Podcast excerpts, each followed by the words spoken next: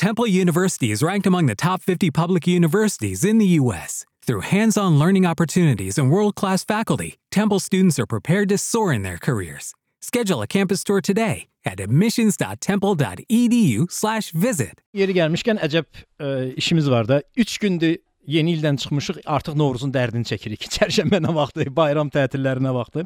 Axşamınız xeyirli olsun dostlar. Özünüzü qoruyun.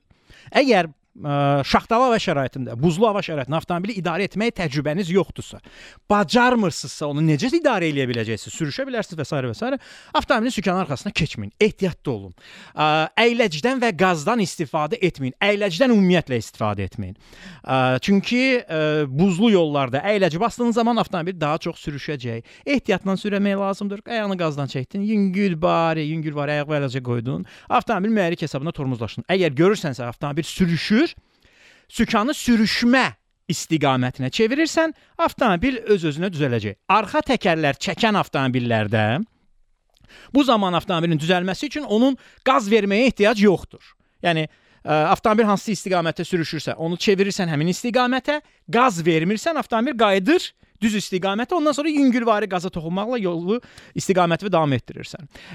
Ön çəkici avtomobillərdə avtomobil sürüşür, sürüşmə istiqamətinə sükanı çevirirsən, avtomobil düzəlməyə başlayanda qazı verməyə olar. 4x4-də isə hər şey aydındır orada. O 4x4 sizə kömək edəcək. Sadəcə nə etmək lazımdır? Avtomobili sürüşən istiqamətə çevirmək lazımdır. Sürüşmə əleyhinə sisteminiz yoxdursa, təkərlər qış təkərləri deyilsə, sürüşmə təcrübəniz yox, sürüşmə əleyhinə avtomobili idarə etməyə təcrübəniz yoxdursa, yolda olmağı sizə tövsiyə etmirəm. Mənim adım Turaldır. İctimai Radio 90 FM-i dinləyirsiniz dostlar. Axşamınız xeyirli olsun. Şəhərdə baxmayaraq ki, bir ə, şaxtalı hava var, vəziyyəti sizdən öyrənəcəm. When you drive a vehicle so reliable it's backed by a 10 year, 100,000 mile limited warranty, you stop thinking about what you can't do and start doing what you never thought possible. Visit your local Kia dealer today to see what you're capable of in a vehicle that inspires confidence around every corner. Kia, movement that inspires. Call 800 333 4KIA for details. Always drive safely. Limited inventory available. Warranties include 10 year 100,000 mile powertrain and 5 year 60,000 mile basic. Warranties are limited. See retailer for details. With the Lucky Land slots, you can get lucky just about anywhere. This is your captain speaking. Uh, we've got clear runway and the weather's fine, but we're just going to circle up here a while and uh, get lucky. No, no, nothing like that. It's just these cash prizes add up quick. So I suggest you sit back, keep your tray table upright, and start getting lucky. Play for free at LuckyLandSlots.com. Are you feeling lucky? No purchase necessary. Void where prohibited by law. 18 plus terms and conditions apply. See website for details. Vəziyyəti sizdən öyrənəcəm. Yəni xəritəyə o qədər də inanmıram, çünki asta sürətlə gedirsiniz. Tıxacdımı bilmək lazımdır. Çünki bu gün mən işə daha tez gəlmişəm. Əvvəl 45-50 dəqiqə vaxt e, itirirdimsə, indi daha tez gəlmişəm. Çünki bəzi adamlar artıq başa düşüblər ki, yox, belə idarə eləmək olmaz. Yollarda vəziyyət necədir? Sizinlə söhbət eləyirəm. 404 11 22 zəng edirsiniz. 050 730 2010 WhatsApp nömrəmizdir. Səsli mesajlarınızı göndərə bilərsiniz. Yol hərəkəti ilə bağlı ürəyiniz hardan istəyir? Sual verin. Mən də sizin sualınıza cavab verəcəm. Və deyin görək, yollarda vəziyyət necədir?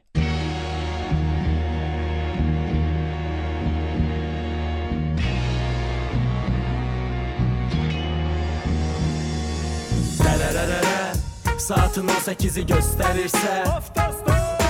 Darararara Yeni efirden ondan öğrenirsen DJ Yine hamı köklenip 90 FM'e Çünkü yollarından başkası yalandı Biraz da ses ver, biraz da ses ver. Yollar, tıxaclar onun mövzusudur Bu iki tərəfli oyun ama o udur. Ölkədə hamının üstünə qaçdığı Yol hərəkəti haqda mövzular açdığı Adam odur. Artıq hamı onu belə tanıyır. Çox adam onu bilməyəcək deyə sınıyır. Amma bayaq dediyim kimi o bilir işi. Yol qayda qanunları onun vərdişi Axşam saat 6 oldu hamı qonur eyni dalğaya Artıq 11 ildir ehtiyac yox yeni dalğaya Yoxlanılmış şeylər yaradır dəyər Ona görə hər axşam onu dinləməyə dəyər Bax dostum, əgər sən bir gün yaransa sualın utanma, çəkinmə Dərhal axtar tap turalı. 012 404 11 22 Yığ və efirə qoşaq biz zəngi Biz zəngi Biz zəngi Yolda Ver. Səsi görəcəksən dinləyir Hamı eyni kəsi dinlə Get Rahat dural deyəcək Haralardan sürəsən yolda. Səsi görəcəksən dinləyir hamı eyni kəsidinə Get Rahat tural deyəcək haralardan sürəsən 012 404 1122 bizə zəng edib ürəyinizi boşalda bilərsiniz. 050 730 2010 WhatsApp-dan səsli mesajlarınızı gözləyirik. Beləliklə dostlar, axşamınız xeyirli olsun. İctimai Radio 90 FM-i dinləyirsiniz. E, yanvar başladı. Avtostop özü yeni anonsla başladı. Əla. Promete təşəkkürlər. 404 11 22 zəng edin. 050 730 2010 WhatsApp nömrəmizdir. Səsli mesajlarınızı göndərirsiniz. Yol hərəkəti ilə bağlı ürəyiniz hardan istəyir sual verin. Mən sizin sualınıza cavab verəcəm və deyin görək yollarda vəziyyət necədir? Mənə ə, sizin həmdərəyləriniz maraqlıdır. Ə, üstəgəl bəzən niyəsə görə hamı həyecanlanır qara görə. Qarda həyecanlanmalı bir şey yoxdur dostlar. Sizin hətta az sürücülük təcrübəniz olsa belə, bu yollarda sürüşmədən rahat ünvanınıza keçməyin bir formulu var. Bu formul nədən ibarətdir? Tələsməmək. Yəni ümumiyyətlə ə, yola ge- ə, nə qədər az təcrübən olduğu, nə qədər çox təcrübən olduğu fərq eləməz. Tələsmədən nəqliyyat vasitəsini idarə edəcəksənsə, gedib ünvanına çatacaqsan. Yəni heç kim tələsməsə, hamı rahat gedib ünvanına çatacaq. Bizdə isə sadəcə elə bir dənə mən tez gedim və sağ sol ə, etmək olmaz, qaz verməyin, yoxuşlarda düşən zaman əyləcdən çox istifadə eləməyin. Məsələn, əgər sizdə müasir tipli avtomobilsə, onda sizdə avtomobildə yoxuşdan düşməyə, yəni enməyə kömək edən bir düymə var. Bu düymə nədir? Avtomobil üzü aşağı dayanıb yoxuşda. Bax belə bir düymə olmalıdır avtomobilinizdə. Bir baxın görün vardınızda yoxsa yox. Onu vuranda artıq tutaq ki, Günəşlidən və ya Əhmədlidən və ya Əsəd Əhmədovdan, Yasamaldan yoxuşu düşürsüzsə və ya indi hal-hazırda rayonlarda olanlar belə yoxuşu düşürsə, ayağınızı əyləcdən və qazdan çəkirsiniz, maşın özü sizi düşürdür. Necə? Sökanı tutursan, özü əyləc verə-verə düzə e, sən aşağı düşürdəcək. Səndən sadəcə sökanı düz tutmaq lazım olacaq. Yoxuşdan enməyə kömək ə, ayarı varsa avtomobilinizdə. Sürüşmə əleyhinə sistem avtomobilinizdə varsa, ə, sizə sadəcə sürüşmə avtomobil sürüşən zaman əyləcədən istifadə eləmirik. Avtomobil sürüşürsə, sürüşmə istiqamətinə sükanı çeviririk, maşın öz özünü düzəldəcək. Sürüşmə əleyhinə sistem bunu zaten blokluyur. Yox bizdə köhnə avtomobilsə, Rusiya istehsalı, keçmiş Sovet İttifaqına aid olan avtomobilsə, hə, burada biraz çətinliyimiz olacaq. Ə, burada artıq bizim təcrübəmiz olacaq. Əgər sizin avtomobiliniz heç bir texniki yenilik və təhlükəsizlik qaydaları ilə ə, ay- qaydalarına cavab verən ayarlarla təchiz edilməyibsə, təkərlər ə, yay təkərləridirsə və üstəgəl uzun müddətli dəyişdirilməyən təkərlərdirsə və sizin kasko sığortanız yoxdursa, mən sizə yola çıxmağı tövsiyə etmirəm. Və burada bir məsələni diqqətinizə çatdıracağam.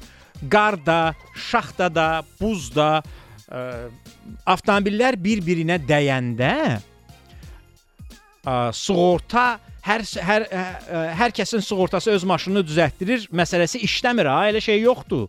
O mifdir. O yalandır və uydurulmuş bir şeydir söhbətdir. Yəni hər kəsin öz sığortası öz maşınını düzəltdirir. Elə şey yoxdur qardaş. Qarda getdim dəydim. Ha, qardır ə, və ya buzdur. Sən özün əvvəlcədən qiymətləndirməlisən ki, bu ə, qarlı, soyuq və şaxtalı havada avtomobili idarə edə biləcəksənmi? 050 730 2010 WhatsApp-dan səsli mesajlarınızı gözləyirik. 012 404 1122 bizə zəng edib ürəyinizi boşalda bilərsiniz. Zəng edirsiniz, səsli mesaj göndərirsiniz və deyin görək yollarda vəziyyət necədir. Tural Səfərov yazır, qənaət bəxşdir. 20 avtomobildən birində qış təkəri var. Bu bir bu biraz pisdir. Amma ə, yolda avtomobillərin sayının az olması onu göstərir ki, bəzi sürücülər artıq yola ə, təcrübəsi yoxdursa çıxmayıb. Sadəcə taksidən və ictimai nəqliyyatdan istifadə edib. Azə Boculu yazır ki, maraqlı adı var. Hörmətli piyadalar nəzərə alın ki, yol sürüşkəndir. Avtomobilin tormozlanma məsafəsi dəfələrlə böyüyür. Özünüzü və digər yol iştirakçılarını təhlükəyə və qaçılmaz qəzaya salmayın. Ə, Yeri gəlmişkən piyadaların əyləc məsafəsi, əyləc yolu və ya dayanma məsafəsi haqqında bilikləri çox aşağı olduğuna görə bu daha çox sürücülərə aiddir ki, hörmətli sürücülər, yola piyada çıxa bilər. Sizin də avtomobilinizin ə, yolun ə, sürüşkən səthə malik olduğuna görə ə, əyləc məsafəsi böyüyə bilər. Əvvəlcədən ara məsafəsini böyük götürmək lazımdır ki, sürüşəndə gedib ona dəyməyəsən. Məsəl üçün, deyək, normal hava şəraitində 3 metrlik, yəni bir avtomobil ə, uzunluğunda ara məsafəsi saxlayırdınızsa, indiki məsafədə 2 avtomobil qədər ara məsafəsi saxlayın. Yəni 6 metrə qədər ara məsafəsi saxlayın. Hal-hazırda onsuz da şəhərdə yollar o qədər də belə sıx deyil. Yəni boşluq var. Al- 6 metr 3 metr saxlayırdısa 6 metr saxlayın. 2 metr yarım saxlayırdısa indi 5 metrlik ara məsafəsi saxlayın. Bu sizə nə imkanı verir? Ə, qarşıda gedən nəqliyyat vasitəsinə dəyməmək, sığorta ilə üzləşməmək, vaxt itirməmək şansı yaradır. Avtomobilinizə ziyan dəyir, əzilir, ziyana düşürsüz. Kasko sığortanız yoxdursa bu sizin üçün əlavə bir mənfi bir hal olacaq. Ramazan Əliyev yazır ki, səhər saat 7-də Bakı-Sumqayıt yolu buz idi, təmizlənməmişdi. Duz səpilməmişdi. Eləcə də Biləcəri Binəqədi Baksol yolu buzlu və qarlı idi. Bir məsələ deyəcəm sizə, reagentlər, yəni ə, duzun yola səpilməsi özü yol səthinə ziyandır. Bu gün mən Mikail Müşfiq küçəsi ə, Parlament prospekti və Hüseyn Cavit prospektinin kəsişməsində parkın qabağında gördüm. Ora qum ə, bir təpəciyi düzəldiblər və yəqin ki, yol donanda götürəcəklər qumları ə, yola səpəcəklər ki, yol o qədər də sürüşkən olmasın. Bununla bağlı ə, tədbir görülüb, amma ə, məncə daha müasir üsuldan istifadə etmək lazımdır. Çünki o qum da yolda qalacaq, palçıq olacaq, ə, yenə də asfalt örtüyünə ziyan vermiş olacaq. Deyilmi? Yəni biraz ə, daha müasir üsullardan istifadə etmək lazımdır. Şa ə, qarın və ya şaxtanın olması sürpriz deyil. Hətta biz 3 il öncədən bilmək olar ki, məsələn 3 ildən sonra Bakıda saat neçədə hava necə keçəcəkdir. Yəni texnologiya bu sürpriz deyil. Sadəcə təcrübəsi olanlar yola çıxırlar, təcrübəsi olmayanlar çıxmırlar. Rahat hamı öz istiqamətində öz ə, koordinatlarına və ünvanına gedib çatır. 404 11 22 zəng edirsiniz. 050 730 20 10 WhatsApp nömrəmizdir. Səsli mesajlarınızı göndərə bilərsiniz. Hal-hazırda xəritədən gördüyümüz nədir? Neftçilər prospekti, y- yol yaxşıdır. Yusif Səfərov yol yaxşıdır. Heydər Əliyev prospekti yol yaxşıdır. Babə prospekti yol yaxşıdır. Yəni cüzi sıxlıq müşahidə olunur Ziya Bünyadov prospektində, Bakı-Sumqayıt yolunda və kənar dairəvi yolda sıxlıq müşahidə olunur. Sıxlıq dediyimiz saatda 53 km sürətlə hərəkət var. Yəni əvvəl bizdə xəritə qıpqırmızı göstərərdisə, indi sap-sarı göstərir. Avtostop davam edir. 012 404 1122 Bizə zəng edib ürəyinizi boşalda bilərsiniz. Nə sualınız varsa verə bilərsiniz. Mənim adım Turaldır. İctimai Radio 90 FM-i dinləyirsiniz. Yollarda vəziyyət necədir? Bu barədə söhbət edirik və telefon xəttində Zakir Mirzəyev var. Zakir bəy, salam əleykum. Salam Tural bəy, axşamınız xeyir. Aqibətiniz xeyir, necəsiz? Çox sağ olun. Siz necəsiz? Təşəkkür edirəm, yaxşıyam. Zakir bəy, Bəli. deməli bu yaxınlarda CES ə, 2023 texnologiya sərgisindən qayıtmışam Amerikada və orada belə bir avtomobil var idi. Onu paylaşmışam, videosu var. Bu avtomobil danışa bilir.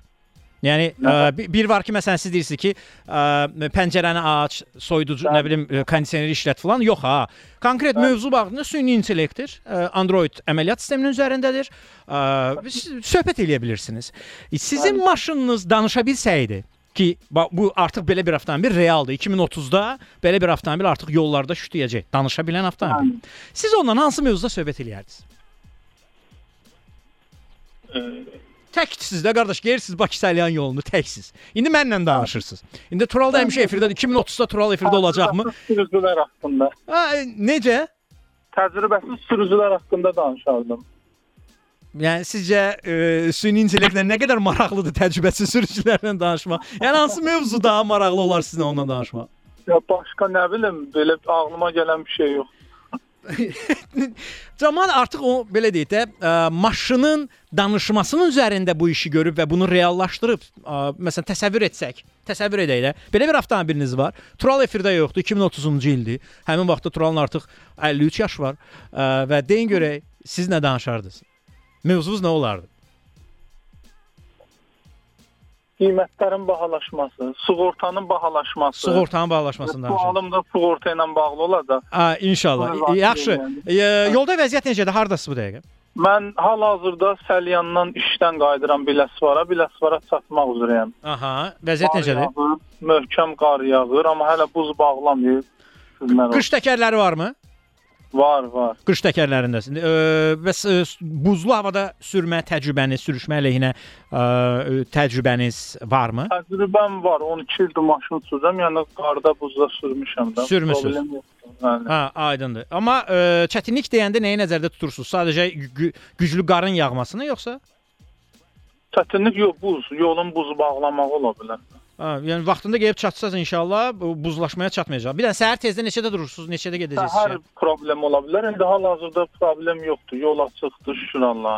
Səhər 9-un yarısı çıxırıq, o vaxt ola bilsin ki, yol buzu Amma ehtiyatlı olmaq lazımdır e, Aynen. və asta sürətlə, tələsmədən, çox qazdan və Aynen. əyləcədən istifadə etmədən sağ-salamat inşallah ünvan başına çatarsınız. İnşallah. Sizin niyə sığortadan şikayətiniz var ki? Şikayətim deyəndə mən e, maşınım 1.5 motordur, 2014-cü ildə. Hə. Keçən il 33 manat pul ödəmişəm sığortaya. Aha. Bu il vaxtı çatıb ödəmək istirdim, mənə 150 manat dedilər. Noyabrın 1-dən qaydalar dəyişib də, bilirsiniz. Bilirəm, qaydalar dəyişilib, bilirəm. Sadəcə olaraq e, mən araşdırma elədim, e, İSB-nin qaynar xəttinə falan Hı -hı. zəng elədim. Mənə dedilər ki, sizin adınızda e, qəza olub, ödəniş almısınız. Hə. Yəni mənim də bundan xəbərim yoxdur. Ə, qəza olubmu? Yox, mən də qəza törətməmişəm. Də 12 ildir maşın sürürəm, maşını bir dəfə heç qapıya da sürməmişəm. Kiməsə etibarnamə vermisinizmi? Etibarnamə qardaşıma vermişəm. Qardaşınız Yəni qəza edib? Yox, yox, qəti, qəti. Ancaq ə, ə, yəni maşınım olub əvvəl 2 il bundan qabaq satmışam. Həmin maşın sizin adınızdadırmı? Ə, yəni satanda bəli mənim adım idi. Texpasport hələ də sizin adınızdadır. Yox, indi bilmirəm də, bilmirəm. Siz ona etibarnamə vermisiniz. Bəli, bəli, e, general mı vermişəm? Bingo! Bingo odur. O maşını keçirtməyib adına. O, yəni 2 il ərzində bəs necə sürür? Ə, etibarnamə ilə sürür də. Etibarnamə müddəti 1 il deyil. 1 ildir. Bəs 1 ildən sonra necə sürür? Hə, sürüb də bilmirəm. Onu artıq mənim sualım Yəni deyil. mən O bir artıq mənə ünvanlanacaq sual Hə. deyil. Yəni mən bir adama satmışam, o da maşını başqa bir adama satmış. O da yəqin ki, başqasına etibarnamə verib. Bəli. O da qəzaya düşüb. O qəza törədib və e, Siz elektron hökumət portalında mygov.az saytında adınıza olan avtomobilləri görə bilərsiniz. Bəli. Daxil olun ora, görün həmin avtomobil sizin adınızdadırmı? Əgər o avtomobil sizin adınızdadırsa və o qəza edibsə, təbii ki, bonus malus sistemi sizə tətbiq edilməlidir. Və yeni qaydalarda bu nəzərdə tutulub. Çünki biz həmişə bax efirdə mən 13 ildə, 14 ildir nə deyirəm? Avtomobil satanda alqı-satqı müqaviləsi ilə satın. Avtomobil alanda alqı-satqı müqaviləsi ilə satın. Yəni bu qızıl qaydadır.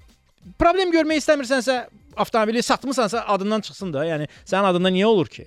Və o qəzaya düşdüyünə görə maşın da sizin adınızdadır və sizə mənfi sizə yazılıb.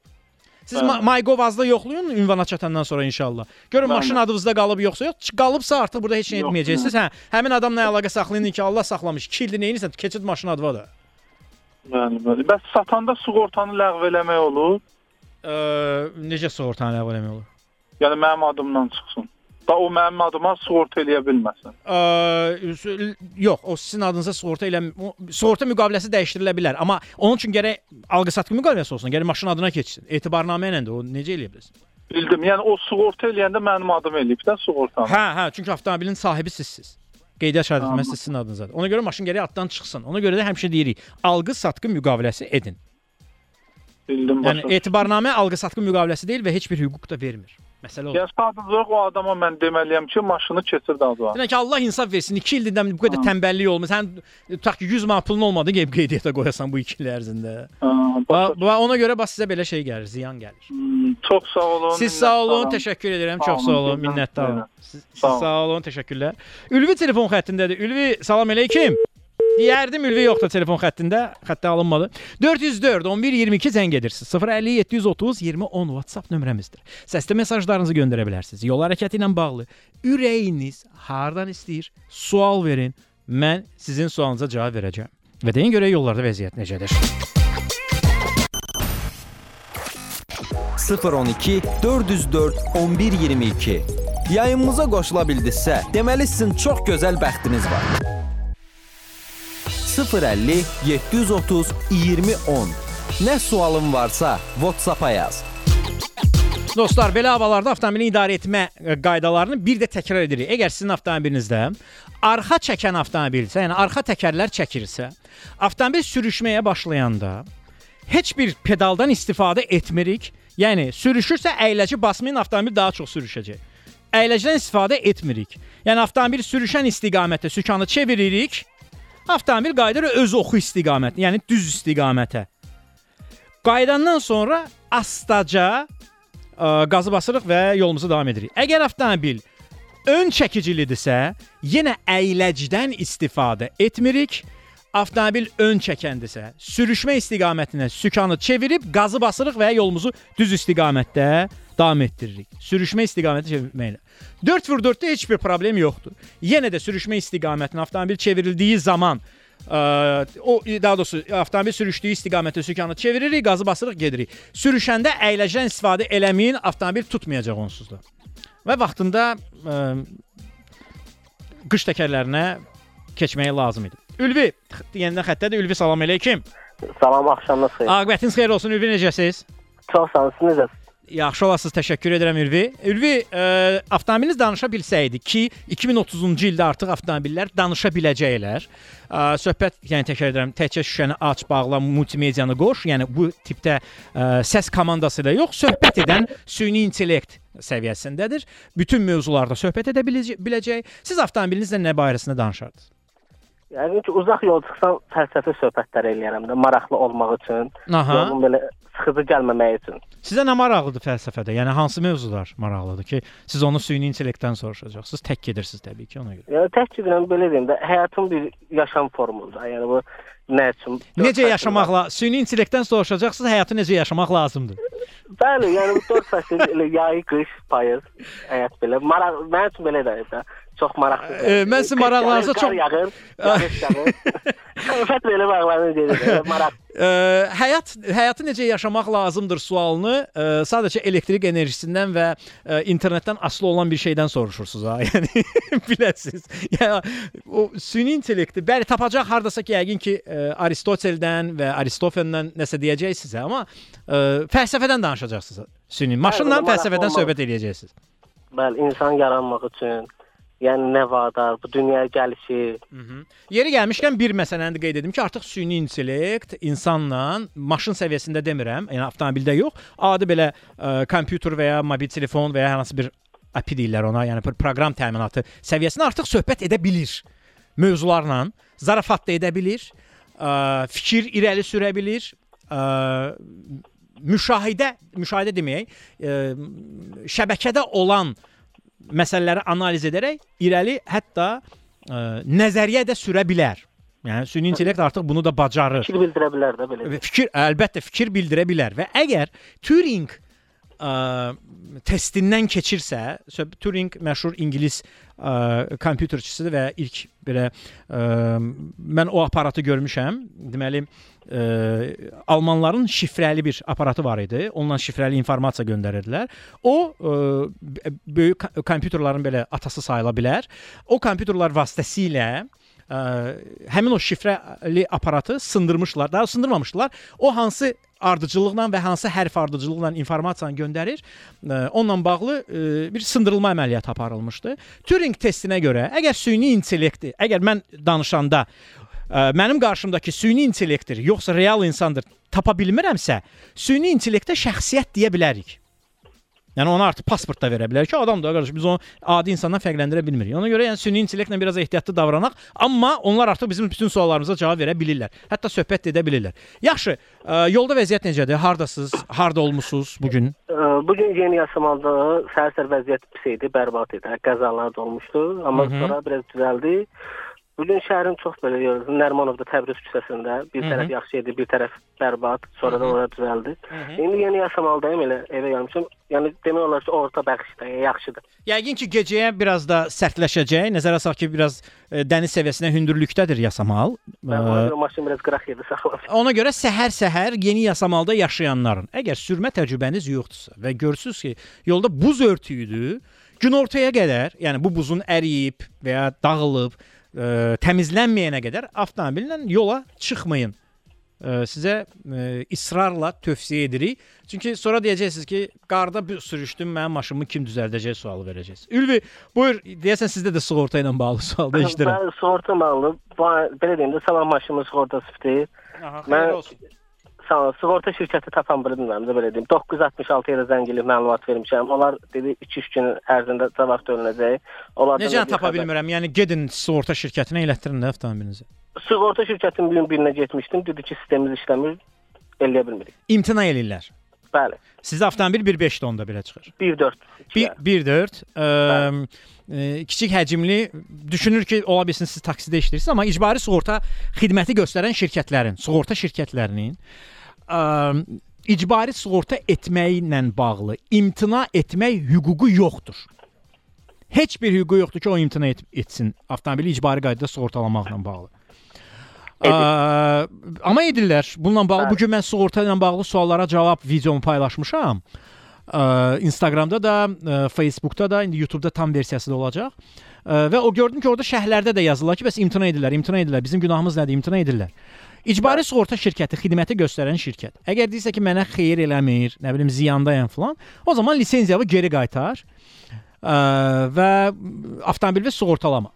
Avtomobilləri baha imtina edir. Yəni bilək ki, qiymət bahadır, yenə elətdirək. Yox, zaten belə- qiymət bahadır da. Onsuz da qiyməti ona görə dəyişdilər ki, sığorta şirkətlərin e, belə pis çıxmasını naz eləyirdilər ki, ay qiymət aşağıdır, bunu qarşılamır və s.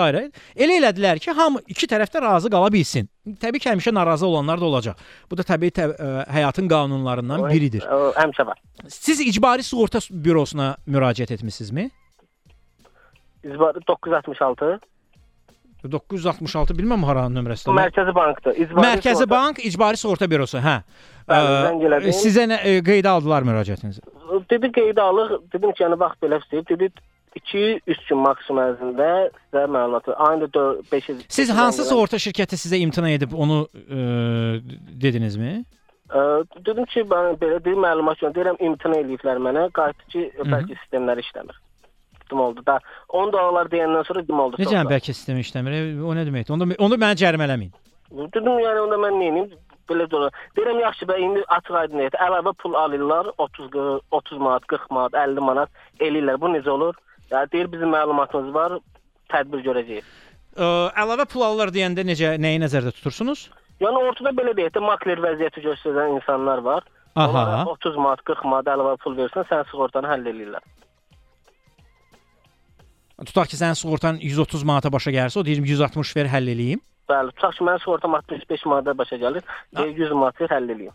Hmm, ə, 65 manata başa gəlməyə də bilər də, bilirsiniz. Çünki Yox, bilirəm, hə, yəni yeni qaydalar var. Noyabrın 1-dən qüvvəyə minən yeni qaydalar var sığorta ilə bağlı. Yeni qaydadan 65 manat tutur. Yeni qaydan 65 manat tutur. Bəli. Sizdən əvvəl 100 manat istəyir həmin adamlar. Deyir 100 manat ver həll eləyək. Reallıqda isə sığorta şirkətinə gedirsən, deyirsən ki, deyirlər ki, sistemimiz işləmir. Sistemimiz işləmir. Bəli. Siz Mərkəzi Bankla danışdınız, yoxsa onlar yönəltdilər icbari sığorta bürosuna, siz icbari sığorta bürosu ilə danışdınız? Yox, belə deyim də mən birinci bu ə, Həsən Zərəfiyev də bu icbari sığortadan o qeydiyyatdan b- aha. A, orada nömrə var idi. Aha. Həsən bəy Zadəbi də onların Ofis, aha, aha. Onlara zəng elədim. Onlar dedi ki, Mərkəzi Bankla əlaqə saxlayın. 966-ya zəng elədim. Zəng elədim onlara. Siz 595 0020-yə zəng eləmişdiniz? Şəhər nömrəsidir. Aha. Bəli, hə, onlar dedi 966-ya məlumat verin. Mən də zəng elədim 966-ya. Dedim, dedi sizin məlumatınızı göndərib sığorta şirkətinə. Onlar sizə 2 3 gün ərzində geri dönüş eləyəcəklər. O da 2-3 gündə keçib də hələ heç kim eləmir. Mən də Siz başqa sığorta şirkətlərinə niyə müraciət eləmirsiniz ki? Zaten qiymət eynidir də hamıda. Belə deyim də işdən bir vaxt yoxdur. İkinci də mən oradan danışanda dedim əgər siz eləyəmirsinizsə, yəni bu qurum olaraq bacarmırsa mən gedim hara lazımdır müraciət eləyim. Siz onlayn qaydada eləməyə çalışmısınız? Məsələn, insure.az saytı var, oradan eləmək. Yox, onlayn yoxlamamışam. Abi yoxla da. Mən sizə tövsiyə edirəm. Ayın 12-sinə qədər onsa qar və buz deyirlər. Bəli. Ə, 12-sinə qədər maşını sürməməyə tövsiyə edirəm. Çünki o cərimə olunsa çətin bir vəziyyət yaranacaq. Onun geriyə əksini sübut eləməyə ki, sığortalamırdılar, imtina etmirdilər. Çünki bilirsiniz də, qarşımızdakı insanlar bizə deyə bilərlər ki, ehtimallardan biri budur. Ə, yox, biz de, biz imtina eləməmişik ki. Yox, müəllim Bəli, elə bəli. şey müəllim elə şey olmayıb deyə bilərlər də. Və siz heç kimə sübut edə bilməyəcəksiniz ki, yəni sizə imtina eliblər yoxsa. Çünki icbari sığorta şirkətinin vətəndaşa imtina etmək hüququ yoxdur. Əgər o sığortalamaq istəmirsə və avtomobil sığortasına məşğul olmaq istəmirsə, ə, lisenziyasını geri qaytarır mərkəzi banka. Deyir qardaş, mən avtomobil sığortasına məşğul deyiləm. Mən ev sığortalayacağam, adam sığortalayacağam, səs sığortalayacağam, butulka sığortalayacağam. Amma maşın sığortalamayacağam. Bu mənə sərf eləmir. Ona görə Yəni, bunlar da belə deyim də rədd eləmir, deyir sistemimiz işləmir. Heç nə deyəmir. Hə də, yəni sistemimiz işləmir. Hə. Sən də eləmədin və sənə 50 manat cərimə yazılır. Bəli. Problem bundan ibarətdir. Ona görə ə, tövsiyəm sabah maşın, onsuz da sabah buzlu gündür, siz yeni yasamaldasınız, vəziyyət də o qədər yaxşı olmayacaq. Ə, əlavə Allah uzaq etsin. Qəzaya düşərsən bu əlavə bir ziyan olmuş olacaq da. Yox, maşın saxlıq Hə, gedir. hə, hə. Məncə bir onlayn insure.az saytı var və ya sığorta şirkətlərinin özünün saytından onlayn müraciət eləyin.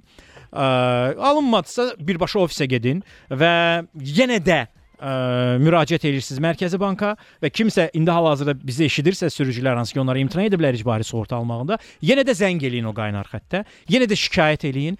Dalbadal şikayət eləyin. Nəfəs almağa imkan verməyin. Qoy operator, yəni konkret orada nəfəsi kəsilsin ki, bu nə deyə hamı onlara imtina eləyir. Təkrar edirəm icbari İcbari sığorta şirkətlərinin avtomobili icbari qaydada sığortalamaqdan imtina etmək hüququ yoxdur. Və sistemimiz işləmir. Bunlar ə, nə oldu ya həmişə bir nəfər də işləmədi, iki nəfər də işləmədi. Nə oldu ya hamımızda sistem işləmədi? O sistem işləməyənin biri var idi. Hı. Ona zəng elədim ki, maşın adımda bir dənə də maşın, maşın var, 2 yerli motor. Dedim ki, belə belə, "Na- motor nədir 2 yerli? Hə, bir dəqiqə, hə, hə, hə. Sizdə vaxt bitib, amma qiyməti budur. Dedim də deyirdi sistemimiz işləmir. Hə, yox, yəni konkret olaraq bə, yəni bununla bağlı çoxlu şikayətlər gəlir.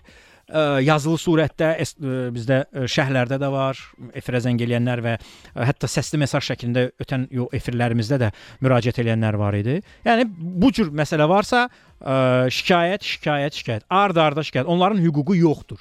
Hətta lazım olduqda məhkəməyə də müraciət etmək lazımdır. Yəni imtina səbəbi. Qardaş, mən imtina eləyirsən, zəhmət olmasa mənə yazılı surətdə məlumat ver ki, sistemim işləmir. Yəni ora getsiniz, ofisə getsiniz və siz ki, müəllim sizin sistemimiz işləmir dedirsən, zəhmət olsa mənə yazılı surətdə imtina səbəbi ver. Mən qardaş məhkəməyə gedirəm səndən şikayət eləməyə. Bu sistemi kim düzəldib? O sistemdən şikayət eləyəcəm. Görüm ki, qardaş bunun sistemi niyə işləmir? Sabah mənə 50 manat cərimə yazacaqlar. 50 manat da az pul deyil bu arada. Bəli, bəli, indi belə çıxmasın. Asılı zülmlə qazanır. Hə, ay son, insanlar onu belə fit çalaraq qazanmırlar. Ona görə mütləq şikayət eləmək lazım. Təşəkkür edirəm. Çox sağ olun Ülvi. Çox sağ olun. Sağ olun, minnətdaram. Qardaş, bu sığorta qaydaları da dəyişdi. Problem həll olunmadı. Deməli, problem qaydalarda deyilmiş. Məsələ odur. Problem qaydalarda deyilmiş. Əgər yenə də sığorta şirkətlərindən şikayət varsa, problem sığorta şirkətlərinin özündədir. Bəlkə də heç qaydaları yeniləməyə ehtiyac yox idi. yəni sadəcə sığorta şirkətlərinin işini görməsinə məcbur etmək lazım idi. Bəli, bəli, məcbur etmək lazımdır və Mərkəzi Bankın belə bir səlahiyyəti var onlara işləməyə məcbur etsinlər.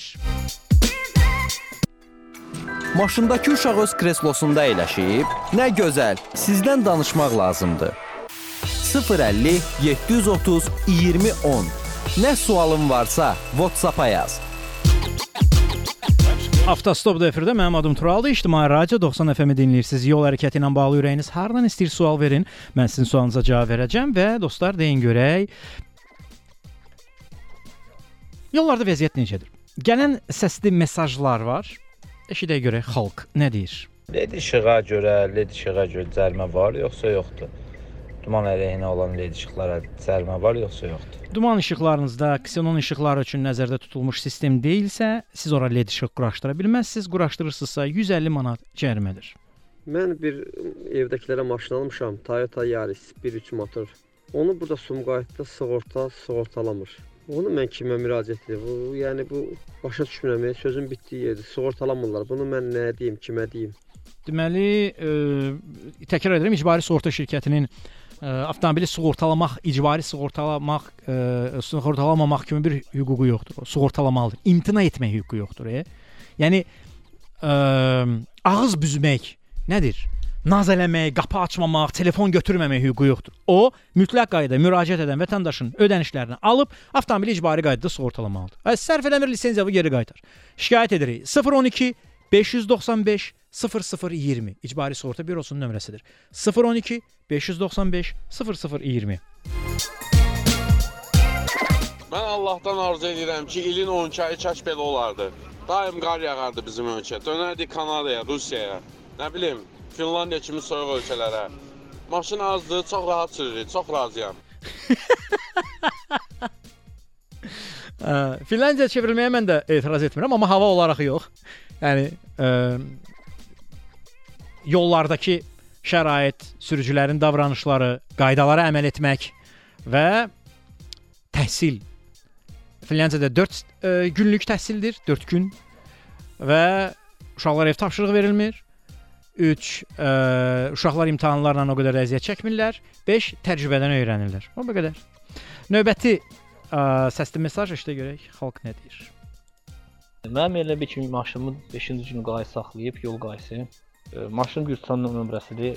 Özüm Gürcistan vətəndaşıyam, pravam da Gürcistan pravasıdır. Mən pandemiya ilə qabaq gəlmişəm, 3 aydan bir gəlib gedənlərdən idim. O gün qayı saxladı, iştirakçıya saldı 5-ci günü. Dedi get pravanızı dəyişin, sonra gəlin maşın götürün.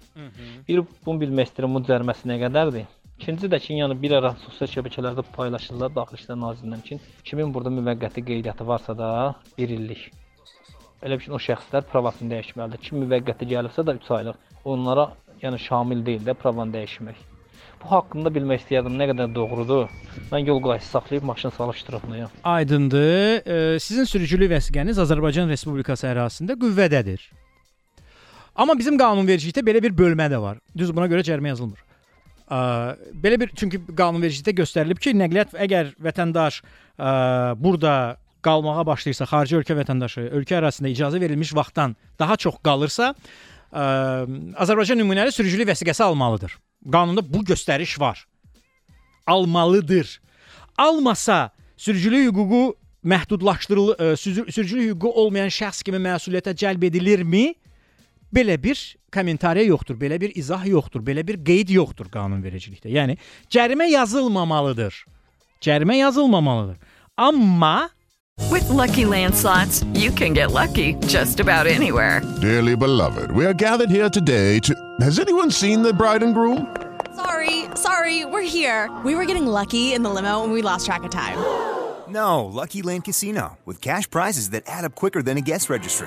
In that case, I pronounce you lucky.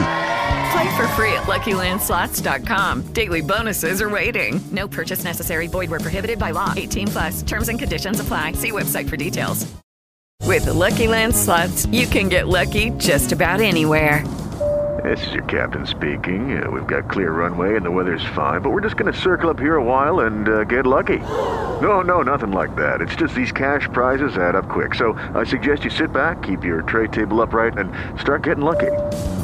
Play for free at LuckyLandSlots.com. Are you feeling lucky? No purchase necessary. Void were prohibited by law. 18 plus terms and conditions apply. See website for details.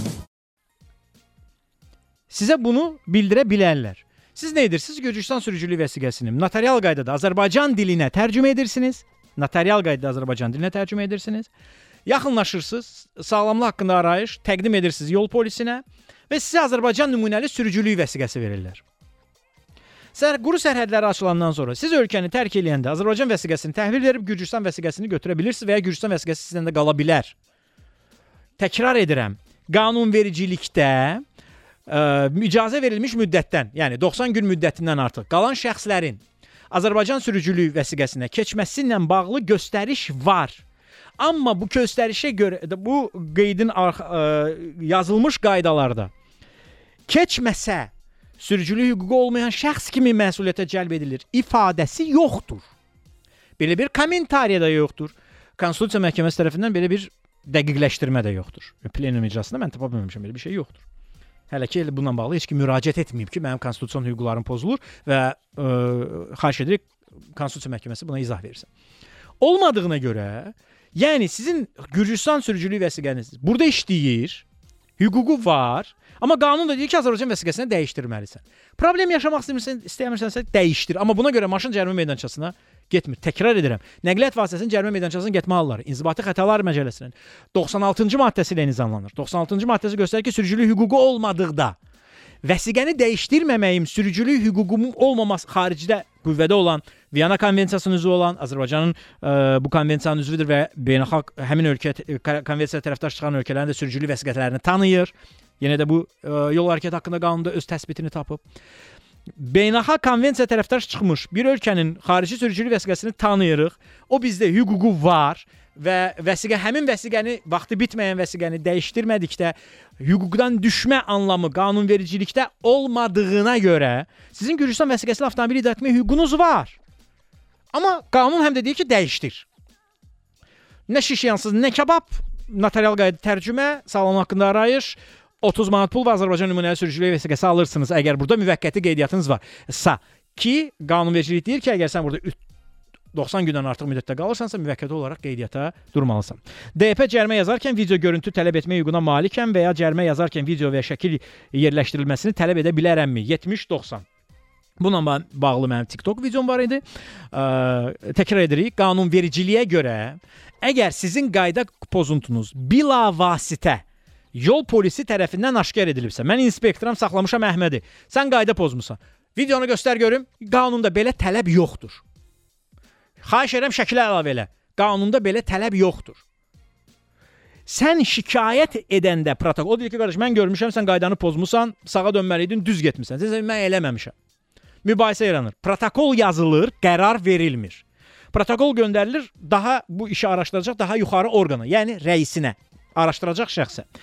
Rəisinə göndərilən, araşdıran şəxsə göndəriləndən sonra artıq video görüntü və foto görüntülər varsa, onu sizi ora dəvət edərək sizə təqdim edə bilərlər. Amma yerində baxım görüm mən orada pozmuşam yoxsa yox, tələbi qanunvericilikdə yoxdur və onlar sizə onun yerindəcə göstərməli deyillər. Xüsusi texniki avadanlıqlar vasitəsilə, yəni kameralar vasitəsilə avtomatik rejimdə və ya yarım avtomatik rejimdə aşkara çıxarılan qayda pozuntuları isə ünvanınıza göndərilir. Buna görə sizi saxlamırlar da. Məncə kifayət qədər geniş izah verə bildim. 012 404 1122 Yayımımıza qoşula bildinizsə, deməli sizin çox gözəl bəxtiniz var. 050 730 2010 Nə sualın varsa WhatsApp-a yaz. Səsli mesajlarınızı göndərirsiniz, zəng də edirsiniz bizə və deyin görək yollarda vəziyyət necədir? Biraz musiqi fasiləsi, sonra danışarıq. Həyəcanla mesaj gözləyirəm. Dostlar, axşamınız xeyirli olsun. Mənim adım Turaldır, İctimai Radio 90 FM-i dinləyirsiniz. 404 11 22 telefon nömrəmizdir. 050 730 2010 WhatsApp nömrəmizdir. Səsli mesajlarınızı da göndərə bilərsiniz və deyin görək.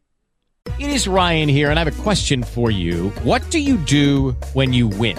Like, are you a fist pumper? A woohooer, a hand clapper, a high fiver. I kind of like the high five, but if you want to hone in on those winning moves, check out Chumba Casino. At chumbacasino.com, choose from hundreds of social casino style games for your chance to redeem serious cash prizes. There are new game releases weekly, plus free daily bonuses. So don't wait. Start having the most fun ever at chumbacasino.com. No purchase necessary. Group. Void were prohibited by law. See terms and conditions. 18 plus. Hey guys, it is Ryan. I'm not sure if you know this about me, but I'm a bit of a fun fanatic when I can. I like to work, but I like fun too. It's a thing. And now the truth is out there. I can tell you about my favorite place to have fun Chumba Casino. They have hundreds of social casino style games to choose from, with new games released each week. You can play for free anytime, anywhere. And each day brings a new chance to collect daily bonuses. So join me in the fun. Sign up now at chumbacasino.com. No purchase necessary. VGW Group. Void were prohibited by law. See terms and conditions. 18 plus. Yollarda vəziyyət necədir? Buzlu, qarlı, şaxtalı havadır Azərbaycanda. 9-dan 12-sinə qədər belə olacaq. Yəni bu gündən etibarən 12-sinə qədər belə olacaq.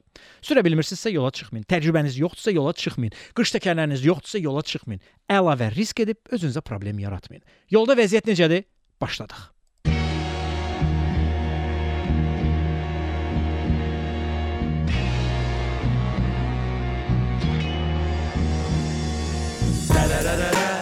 Saatın 18'i gösterirse. Darararara Yeni efirden ondan öğrenirsen. DJ Yine hamı köklenip 90 FM'e Çünkü yanılmaman başkası yalandı Biraz da ver, biraz da ver Yollar, tıxaclar onun mövzusudur Bu iki tərəfli oyun amma o udur. Ölkə ölkədə hamının üstünə qaçdığı, yol hərəkəti haqqda mövzular açdığı adam odur. Artıq hamı onu belə tanıyır. Çox adam onu bilməyəcək deyə sınıyır. Amma bayaq dediyim kimi o bilir işi. Yol qayda qanunları onun vərdişi. Axşam saat 6 oldu, hamı qonur eyni dalğaya. Artıq 11 ildir ehtiyac yox yeni dalğaya. Yoxlanılmış şeylər yaradır dəyər. Ona görə hər axşam onu dinləməyə dəyər. Bax dostum, əgər sən bir gün yaransa sualın utanma, çəkinmə, dərhal axtar tap turalı. 012 404 11 22 yığ və efirə qoşaq biz zəngi. Yolda. Ver. Səsi görəcəksən dinləyir Hamı eyni kəsi dinlə Get Rahat tural deyəcək Haralardan sürəsən yolda. Ver. Səsi görəcəksən dinləyir Hamı eyni kəsi dinlə Get Rahat tural deyəcək Haralardan sürəsən Sizdən yoxdur da. Svetoforda dayananda siqnal vermirsiniz. 012 404 1122 bizə zəng edib ürəyinizi boşalda bilərsiniz.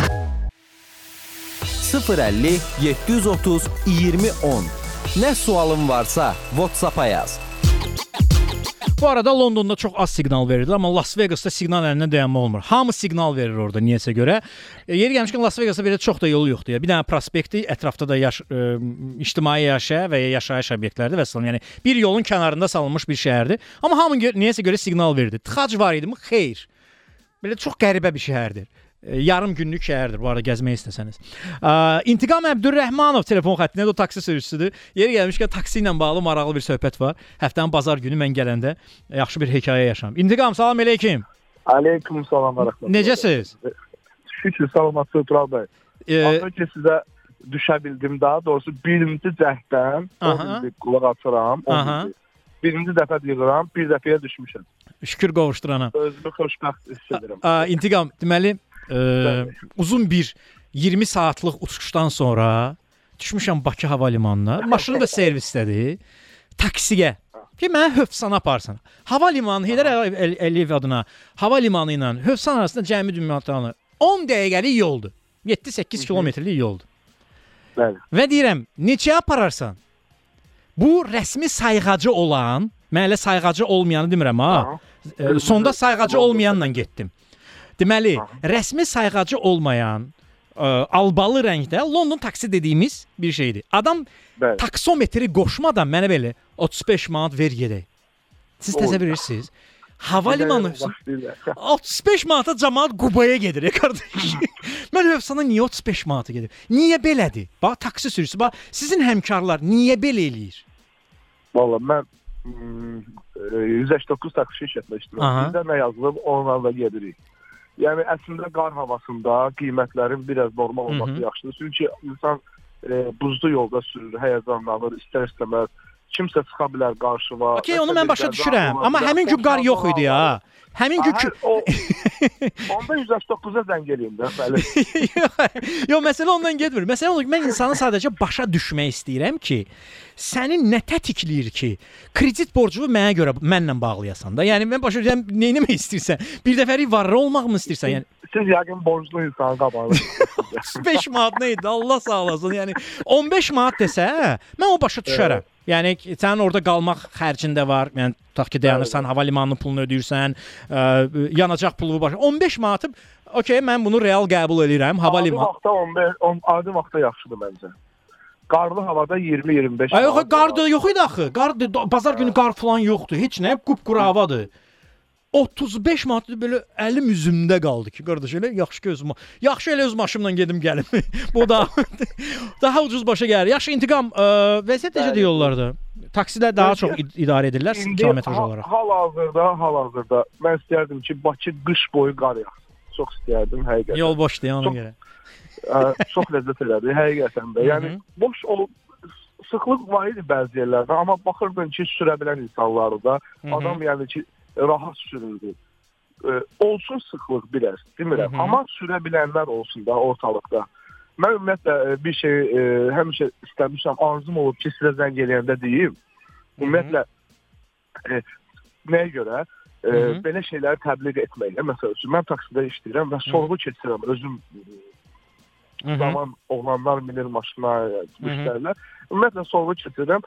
E, 99% sürücülük vəsiqəsini yəni öz gücünə almırlar. Yəni istəmirəm burada bəzi şeylər deyim. Mən istərdim ki, hamı Sehrli qüvvələrdən istifadə edir. Gecə dua yazır və falan olur. Aha. yəni ki, hamı oxuyub normal alsın. Mən şəxsən 14 il bundan ə- öncə oxumuşam. Bir dəfəyə necə ki sizin verilişi bir zəngə düşmüşəm. Bir dəfəyə imtahanını vermişəm. Həm e, e, imtahandan, həm də ki yezdədən var. Amma bu arada yeri gəlmişkən bizdəki təcrübi imtahan buz üzərində sürmə təcrübəsini yoxlamır. Əslində mən istərdim onu yoxlasınlar. Çünki 2 gündə yaxsa, 1 gündə yaxsa fərq eləməz.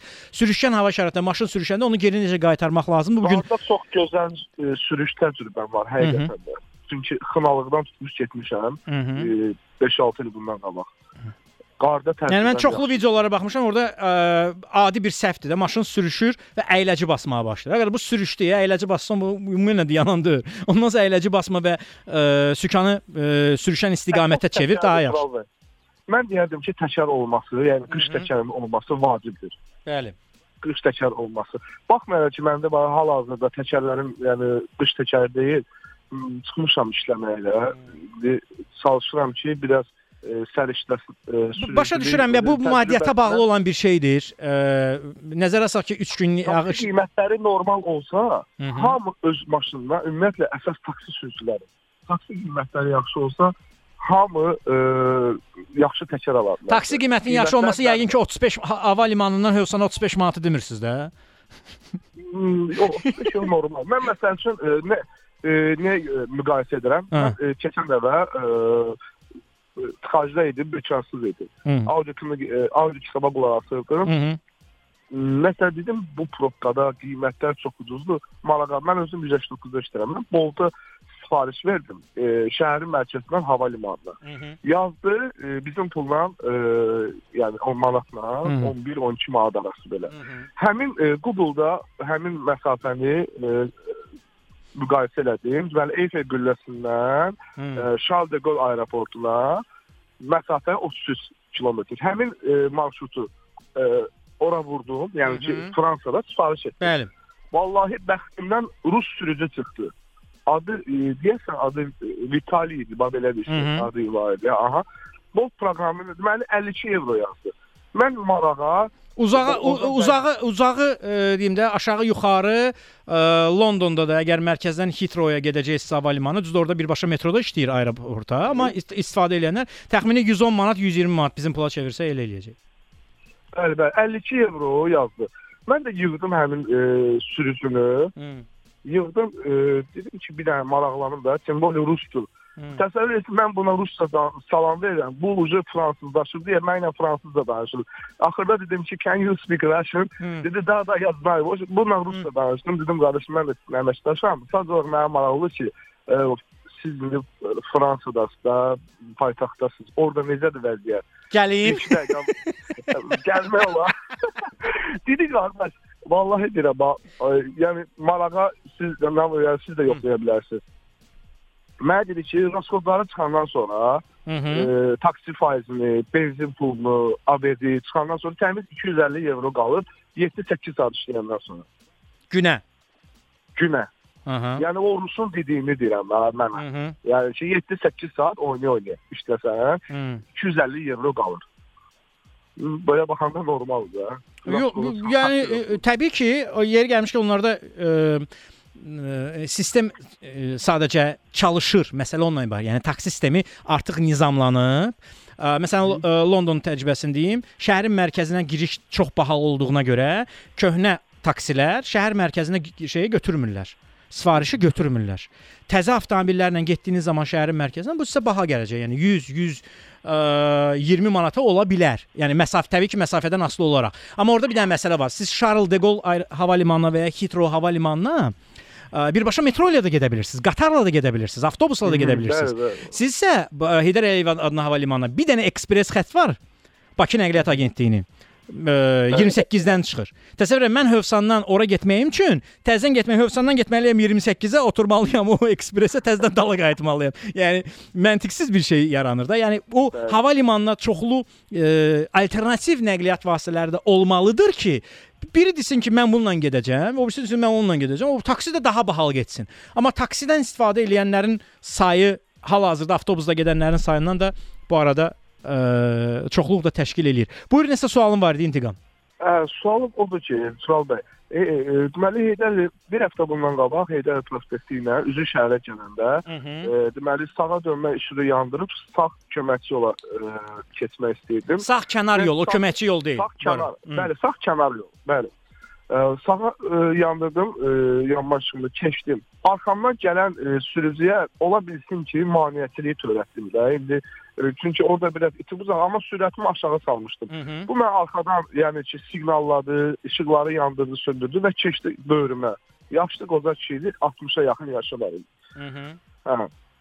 Yan şüşədən də əli ilə qolu ilə mən də yanımda müştəri var. Hello, it is Ryan, and we could all use an extra bright spot in our day, couldn't we? Just to make up for things like sitting in traffic, doing the dishes, counting your steps, you know, all the mundane stuff. That is why I'm such a big fan of Chumba Casino. Chumba Casino has all your favorite social casino style games that you can play for free anytime, anywhere with daily bonuses. That should brighten your day a little.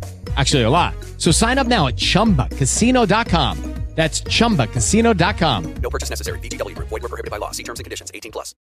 Əllə qolla mən də dedim ki, qardaş, üzrləsə belə ola bilsin də indi. Mən adətən Hamının o başına gələ bilər, problem yox. Mən sağ kənar yolla gələndə kimsə o yolu keçirsə, adlayırsa, Hı. mən şəxsən e, yəni ki, şərait yaradıram ki, bu adam keçsin. Ya sağa keçirəm, ya da sürətimi azaldıram. Hı -hı. Bu adam mənim marqatdadı, siqnalladı, keçdi bölünə əlinə qazdı və bundan doymadı. Gəldi, sürdü, qaz verdi qabağıma, Şkoda idi. bax. Reski qabağıma e, sağdan sola keçdi və reski tormoz verdi. Hı -hı. Təsəvvür et, yəni ki, mən gözləmirdim də bunu. Hı -hı. Tormoz verdim, maşın sürüşdü, dəydi ona. Yəni bir həftə bundan qabaq. Hə. İndi düşüb aşağı deyir, neynirsən? Deyirəm, sən mənim qabağıma ağsaqqal düşürsən. Niyə görə belə edirsən də? Mərdimazar Qabağıma- MMC şirkətinin direktoru deyirdi. Bəli, ola bilər, çox güman ki. Və e, bu mərdimazlara da poddeşka eləyən hayflar olsun ki, insanlar var da, hansı ki, yəni ki, polisdə işləyirlər, orada da məni, yəni ki, taksicilər çıxartdılar ki, sən arxadan. Deyirəm, mən kamera görüntüləri göstərsəm, hə. Qanun nə deyir? Ə, deməli intiqam. Qanun nə deyir? Qanun deyir ki, eyni zolaqla hərəkət etdiyiniz zaman ölkə ə, qarşıdakı nəqliyyat vasitəsinə elə məs ə, ara məsafəsi saxlamalısan ki, ə, hə- həmin nəqliyyat vasitəsi qəflətən əyləci basdıqda sən ona dəyməyəsən. Qanun nə deyir? Eyni zolaqla hərəkət etdikdə. Amma bu mənə sağdan sola keçdi. Keçib qabağıma sağdan gəlib qabağınıza keçib əyləci basıbsa və siz ona dəymisinizsə, günahkar odur, siz deyilsiniz. Bəs məni də günahkar çıxartdılar. İndi mən öz maşınımı özüm təmir edəcəm. Sığorta şirkəti Siz niyə məhkəməyə müraciət eləmirsiniz ki, məhkəmə araşdırsın, biraz uzadın da məsələni. Mən getdim, mənə dedi ki, getdim polisə. Deməli, həmin o hadisəni törədən adam da inandı ki, o işçilik testindən də keçməmişdi. Səhərçin orada rastlaşdıq. Dedim, bəs get, getmisən, bəs e, tibb mərkəzinə? Dedi, yox, getməmişəm. Heç ona da getməmişdi. Məndən qabaq girdi kabinetə çıxdı. Sonra protokol yazılıb? Bəli, yazılıb amma mən hə, bəli yazılıb. yazılıb. Ha, protokol yazılıbsa sən niyə məhkəməyə müraciət eləmirsən ki? Dedim mən dedim e, inansız şey dedim ötüşdürüm yola verim getsin də. Onsuz da Nə qədər ziyan deyil? Qayda yoxdur. Mənim maşınımın yəni üst, üstdə hardasa 300 350 manat yanında. Qurtuluşucu yəni şimdi onu ötüşdüm. 300 30 manat olsa ötüşdürmək olar. 300 manat niyə ötüşdürsən ki? Hə. Hə. Deməli müstəntiq mənə dedi ki, e, sən dedi əgər araşdırma istəyirsənsə maşının dayanacağa getməlidir. Mənim maşınım da necə, yəni sürülə bilər. Elə bilsin necə? Yox, yox, qardaş, sən e, e, mən çox üzr istəyirəm. İntiqam, gəlin izah edim sizə. Ə, çox aydın surətdə. Araşdırma getdi, protokol yazıldı. Yol patrul xidmətinin, yol polisində inspektor, qəza üzrə inspektor hesab edir ki, qaydanı sən pozmusan, pozmusan. Bəli. Və sənə protokol yazıb. Sən nə edirsən? Protokoldan məhkəməyə şikayət edirsən. Bunun üçün maşını təzədən cərimə meydançasına aparmayacaq məhkəmə. Məhkəmə Heydər Əliyev prospektində maşallah hər yerdə kamera var. Kamera O görüntüsünə kamera baxacaq. nə qədər yadda saxlayır o Ə, araşdırmaya götürülübsə artıq 1 ay orada qalır orada. 3 ay istəyirəm. 3 ay orada, 3 ay yoxsa 6 aya qədər qalır orada. Yəni e, o kamera gəlməyib heç əslində ki, Dostum, cərimə barəsində. İntiqam, protokolu götürürsən, protokolu götürürsən. Sən protokoldan Aha. şikayət edirsən. İşi artıq məhkəmə araşdıracaq. Qardaş, qanun deyir ki, eyni istiqamətdə hərəkətdə olanda bu mənim qabağıma çıxıb əyləci basıb və mən ona dəymişəmsə, artıq onun qayda pozuntusudur. Mənim qayda pozuntum deyil. 1. Sağdan ötmə qadağandır. 2. E, ara məsafəsi e, zolağa daxil olan nəqliyyat vasitəsi ilə ara məsafəsini saxlamağa aid deyil. Təbii ki, saxlamalısan. Bu daxil olursa, ayaq və əyləcinə qazdan çəkməlisən, ayaq və əyləcə qoymalısan. Bunların hamısını Anidən bilirik. Oldu, e, hamısı anidən oldu. Yəni mən İntiqam, məndən sizə tövsiyə. bəli, Bu bəli. axşamın ən yaxşı tövsiyəsi. Məncə siz ondan elə günü sabah məhkəməyə müraciət eləyin. Sadəcə Mənə pra protokol barəsində heç nə mesaj gəlməyib. Mən Yo, yo, bilmirəm, protokolu götür də. Hardan götürdün? Polis idarəsindən. Harda işə harda baxırdılar oradan?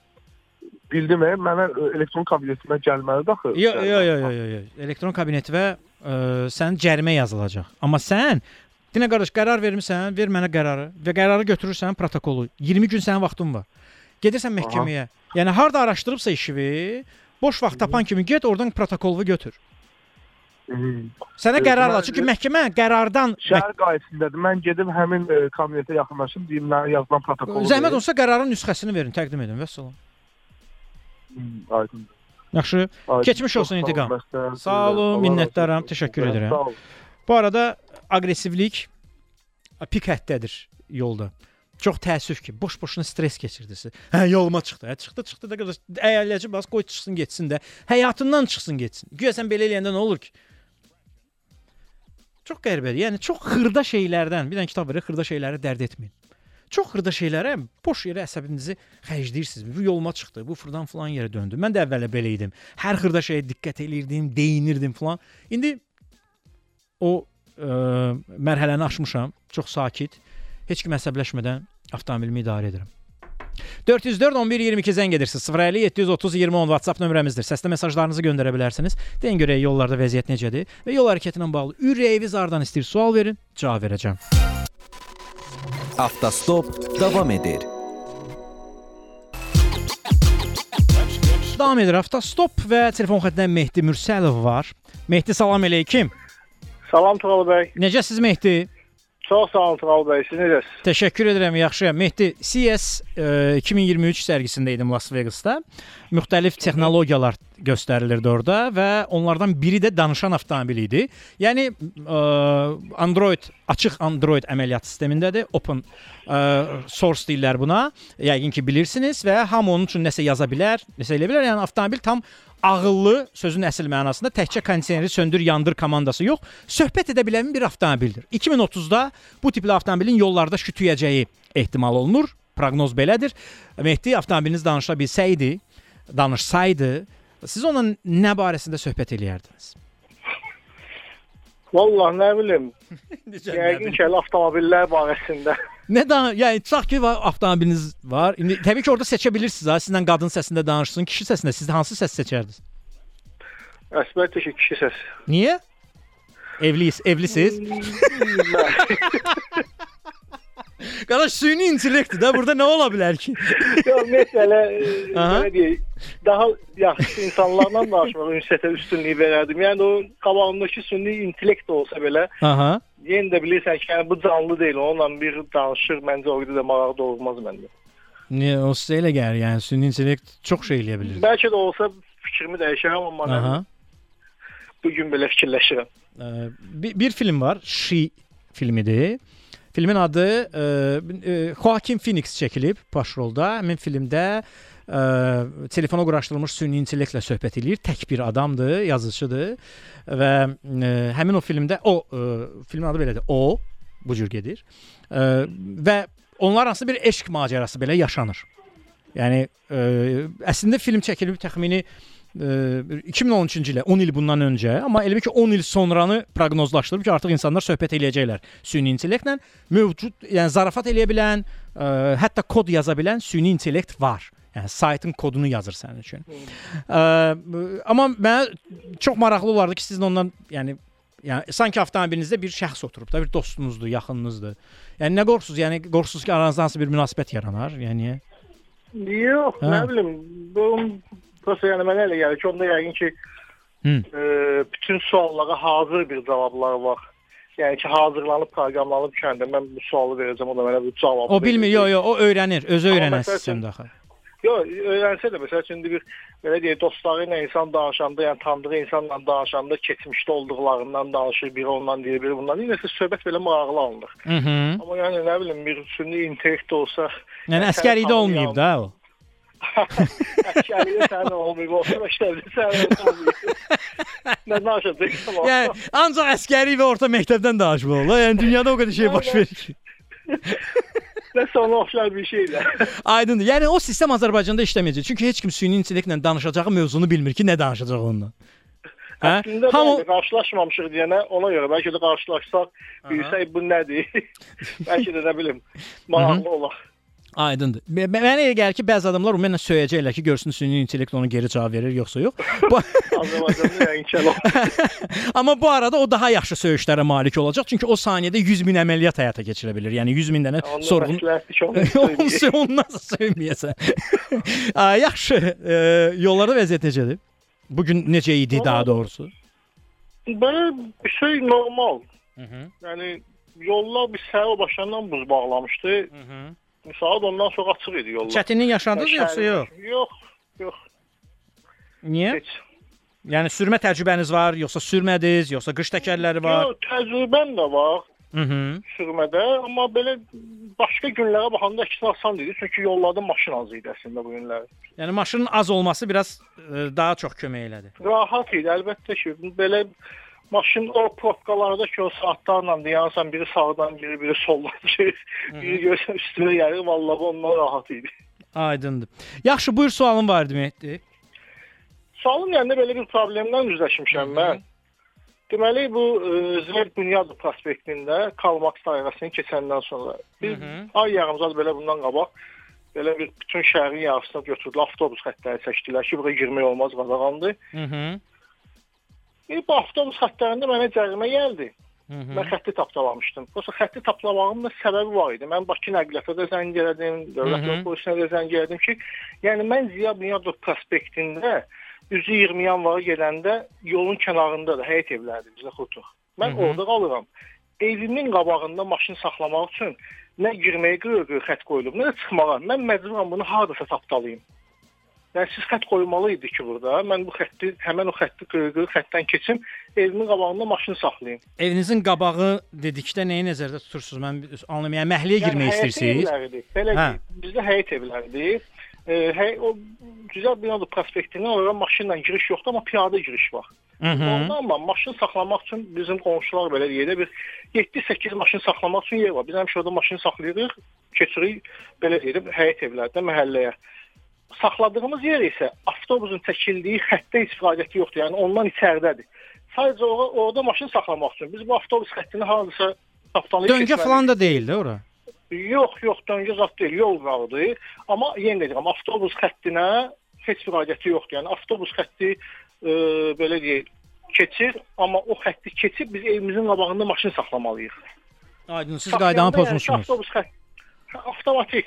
Hı, qaydanı getdim pozmusunuz. Dövlət yol polisinə, daha doğrusu e, Asan Peydə mənim o kabinetimə gəldi, şi- e, şikayətimi yazdım. Hı hı. Sağ olsunlar, zəng elədilər, çağırdılar, araşdırdılar. İnandığım ki, ki, belə elə həqiqətən də elə bir gözəl qarşıladılar. Yola saldılar ki, mən çıxandan sonra özüm özümdə fikirləşdim ki, yox, e, lap mən səhv də olsa görə bu cəriməni ödəyim. İnsan hələ gözəl başa salırlar. Yox, əslində siz Mən qaydanı pozmusunuz, amma mən sizi çox gözəl başa düşürəm və orada Mən yaşayan onlara başa sala bilmirəm ki, mən yəni siz bu qaydanı deyir ki, sən qaydanı pozmusan. Deyirəm qardaş, mən evimin qabağına Yəni mənim evim sənin avtobus bu zolağından əvvəl tikilib də. Bəli, Yeziyanın Yəni sən çəkəndə bunu nəzərə almalıydın ki, burdakı binalar, evlər, ictimai yaşayış obyektləri öncədən salınıb. Bunun ə, sən bura xətt çəkmək istəyirsən. Təbii ki, avtobus zolağı olmalıdır, üstünlüyü olmalıdır, amma avtobus zolağında saxlamamısan da, sən keçmisən o biri tərəfdə saxlamısan. Avtobus zalağından keçən bu biri tərəfdə. Orada bir 6-7 maşın saxlamaq üçün qonşular üçün yer var. Mhm, aydındır. Ə, ödəmisiniz belə yoxsa yox? Yox, ödəməmişəm, amma belə-belə gözəl Üstündən başa 20 gün keçib? Ödə. Üstündən 20 gün keçib? Ə, dekabrın 20-si olub. hadisə. Ə, iş günləri ilə hesablasaq, əgər 20 günü keçməyibsə, siz məhkəməyə müraciət edə bilərsiniz. Və həmçinin məhkəmədə iddia qaldıra bilərsiniz ki, onlar Bakı Şəhər İcra Hakimiyyəti, Bakı Nəqliyyat Agentliyinə ə, tövsiyə etsinlər ki, həmin ərazidə qırıq-qırıq xətt qoyulsun ki, sən ora keçib orada avtomobili saxlaya biləsən. Çünki yenə təkrar edirəm, sizin bina evlər orada tikiləndə orada avtobus zolağının olacağı ilə bağlı heç bir layihə və şey yox idi. Fikir yox idi və ya avtobus zolağı salınıb sonra sən gəlib orada ev tikməmisən. Siz Bəli, ancaq bəli. məhkəmə qaydasında eləməlisiniz bunu. Bəli, ə, praktiki olaraq, hüquqi olaraq qanun pozulub, 1.1 xəttin kəsib keçmisiniz, 40 manat cərimədir. Bu özü yerində. Amma ə, siz bu protokoldan şikayət edə bilərsiniz ki, bu biraz bu məsələyə diqqətli davranmaq lazımdır ki, yəni mən bu xətti çəkirəm, yaxşı bu adam nə edəcək? Evinə necə gedib keçəcək? Yaxşı, gəldim mən. Evimə necə gedim? İnandırırsınız taksi ilə gəlirsən belə. Taksi orada xətti tapdalamış, qardaş yox gedək qabaq küçədə deyir mən keçim ki. Orada deyir kamera çəkir. Arxa Yəni, tərəfdən yol var ora. Arxa tərəfdən yol var ora. Arxa tərəfdən uzaqdan var. Hə. Hə, var. Amma ki arxa tərəfdən gələn yoldur. Çox belə bir dağ yoldur. Orada da maşın zət saxlayanda vəhşi girmək olmur. Aydındır. Hər ehtimala qarşı, hər ehtimala qarşı hələlik o yoldan istifadə etmək şərti ilə protokoldan şikayət edib ora həm də Bakı şəhər icra hakimiyyətinə bütün qonşularla bərabər yığışa bilərsiniz. Bütün o qonşularla bərabər bir dənə məktub Bakı şəhər icra hakimiyyətinə, Bakı nəqliyyat agentliyinə ünvanlaya bilərsiniz. Gəlsin oranı qırıq-qırıq xətt eləsinlər ki, sən keçib həyətə girə biləsən. Bakı Nəqliyyat Agentliyindən zəng eləmişəm bugünkü bu xətti çəkmisiniz. Burada bütün küçələrə giriş qoymusunuz. Bir bizim küçəyə qoymamışsınız ki, orada maşın saxlamağa. Deyirsiniz orada vəbşə niyə maşın saxlayırsınız? Adamın baş tamamından ki, mən burada yaşayıram, mən orada saxlamalıyam ki, maşını. Yox, indi e, e, şəh əgər şeydir. qa- dayanmaq qadağan deyilsə saxlamalı saxlaya Yox, bilərsiniz yox, orada, yoxdur hə. orada. Yəni e, Dayanmaq qadağan bir znak da yoxdur orada, işarə də yoqdur orada. Yəni həmişə də Aydındır. E, mən mən sizə tövsiyə e, bir protokoldan şikayət etmək istəyirsə, protokoldan şikayət edin. 2 e, q- yığışın qonşularla bərabər müraciət edin Bakı şəhər icra hakimiyyətinə ki, həmin əraziyə bir də baxış keçirilsin. Hı-hı. Təşəkkür edirəm. Çox, sağ olun. Minnətdaram. Keçmiş çox olsun. Aydın Qasımov telefon xəttindədir. Bu bizim bu günə olan sonuncu zəngimizdir. Aydın salam əleykum. Salam Tuğba, axşamınız. Aqibətin xeyir. Necəsən Aydın? Yaxşıyam, çox sağ olun. Sizin də sağ olun. Təşəkkür edirəm. Avtomobiliniz danışa bilsəydi ki, 2030-cu ilə artıq avtomobillər danışacaqlar. Söhbət eləyəcəklər. Siz onunla nə yolda nə söhbət eləyərdiniz? Çox maraqlı sualdır. Bayaqdan onu fikirləşirəm ki, məndən soruşulsa nə cavab verəcəm. Hələ də cavabını tapa bilmədim. O, siz deyənə gəldim ki, deyəsən biz e, hələ onunla nə danışacağımızı bilmirik. Yəni bizdə o maşını alacaqlar. Aha. A, bizdə bir sizdə adamlar bəzən işlətmədiyi ə, opsiyaları belə avtomobilə əlavə elətdirir də. Məsələn, ə, mütləq falan şey olsun, hər şey olsa amma onu istifadə eləməyəcək uzun müddət. Amma fulun fulu dediyi, yəni tam komplektasiyalı bir avtomobil alacaq. Alacaqlar. Amma o süni intellektini danışdırmayacaq. Çünki onu danışdırmalısan ki, o sənə öyrəşsin. O bilsin ki, sən hansı mövzularla maraqlanırsan, o bilsin ki, sən necə danışırsan, o bilsin ki, hansı mövzularda danışmaq sənə xoşdur. O öyrənir də. Süni intellektin əsas işi odur ki, o özü öyrənən bir sistemdir. Onu danışdırmayacaqlar. Arada dostlarına zarafat eləmək üçün belə şey eləyə bilərlər. Zarafat edir. Zar hə, söy, söy, söyüş söydürə bilərlər ki, dostumla zarafat elətdirim. Və salam, yəni dostum maşına oturanda o süni intellektlə əmini söy bir dənə, əmini söy. Uşaqla elədiyini süni intellekt elətdirəcək. Və yəni bizdə məsələn Amerikada və ya Britaniyada işləyəcək süni intellekt çox ağıllı olacaq. O qalaktikalar arası münasibətlərdən danışacaq. Bizdəkinin bildiyi ən yaxşı söyüş olacaq. Hamı bir- bir-birinin bir-birini söydürəcək. Bu biraz ə, adamı biraz pəjmürdə hal eləyir, sözün açığı ki, belə texnologiyalardan əslində istifadə etmək çox yaxşı olar. Yaxşı, Aydın, ə, deyin görək yollarda vəziyyət necə idi? E, deməli Tuğba, bu gün səhər 6-da mən evdən çıxmışam. Şurdaxanın istiqamətinə getdim, qayıtdım Yeni Günəşildən. Mhm. Getdim, qayıtdım, rahat getdim, gəldim. Yəni mənim üçün problem olmadı. Hı -hı. Və e, sonra işə gəldim. Yəni köhnə günəşli vasitəsilə Ukrayna dairəsinə rahat, yəni problemsiz. Mhm. Düşünürəm ki, Yol yəni, donmuşdu yoxsa yox? Deyim ki, yox, don yox idi yolda. Sadəcə bu e, qarın çoxluğundan yəni, sürüşmə verildi təkərə. İstər-istəməz. e, Qış təkəridir sizdə yoxsa? Yox, tam qış təkəri deyil, amma təkərlərim sağ vəziyyətdədir. Tək ə, tam qış təkəri deyəndə ki, ya bu qış təkəridir ya da qış təkəri deyil. Yox, yəni e, belə deyək də. Qış təkəri iynəli- deyil sizdə. deyil. Yox, yox, qış təkəri iynəli deyil. İynəli bu sırf sərt hava şəraitində istifadə olunacaq təkərdir. Qış təkəri dediyimiz rezin rezin qalın rezinli təkərdir. Yəni protektorları daha Yox, elə dərindir və s. Protektor e, protektor yaxşıdır, amma qış təkəri deyil belə. Hə, də qış təkəri deyil. Siz sadəcə belə də öz riskinizə avtomobili idarə etmisiniz. Bəli. Nə gözəl. Hamımız belə eləyirik onsuz da. Yaxşı. Çünki sən süni intellektdən soruşsan ki, bu cür hava şəraitində yola çıxmağı tövsiyə edirsənsə, o deyəcək ki, yox, tövsiyə eləmirəm. Yəni konkret düz, düz, düz get təkərləri dəyişdir. Yəni düz cavab verəcək əslində. Biz deyəcək əşya işin olan deyir. Söndür. ə, Sən robota qulaq assasan, söndür onu çıxdıq yola. Yaxşı, buyur sualım vardı Aydın. Evet, bəli, belə bir məsələ var. Atama ayın 2-sində e, elektron ünvanına məktub gəlibdi. Cərimə yazılıbdı, qərarlıdır. Deməli, Bərdə şəhərində sola dönməli liftdir.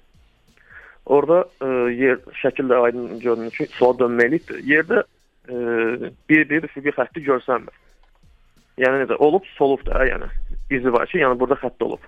Amma tam da demək olmaz ki, onun döndüyü yerdə qırıq-qırıq xətti varmı? Şəkildə yoxmu? görünür.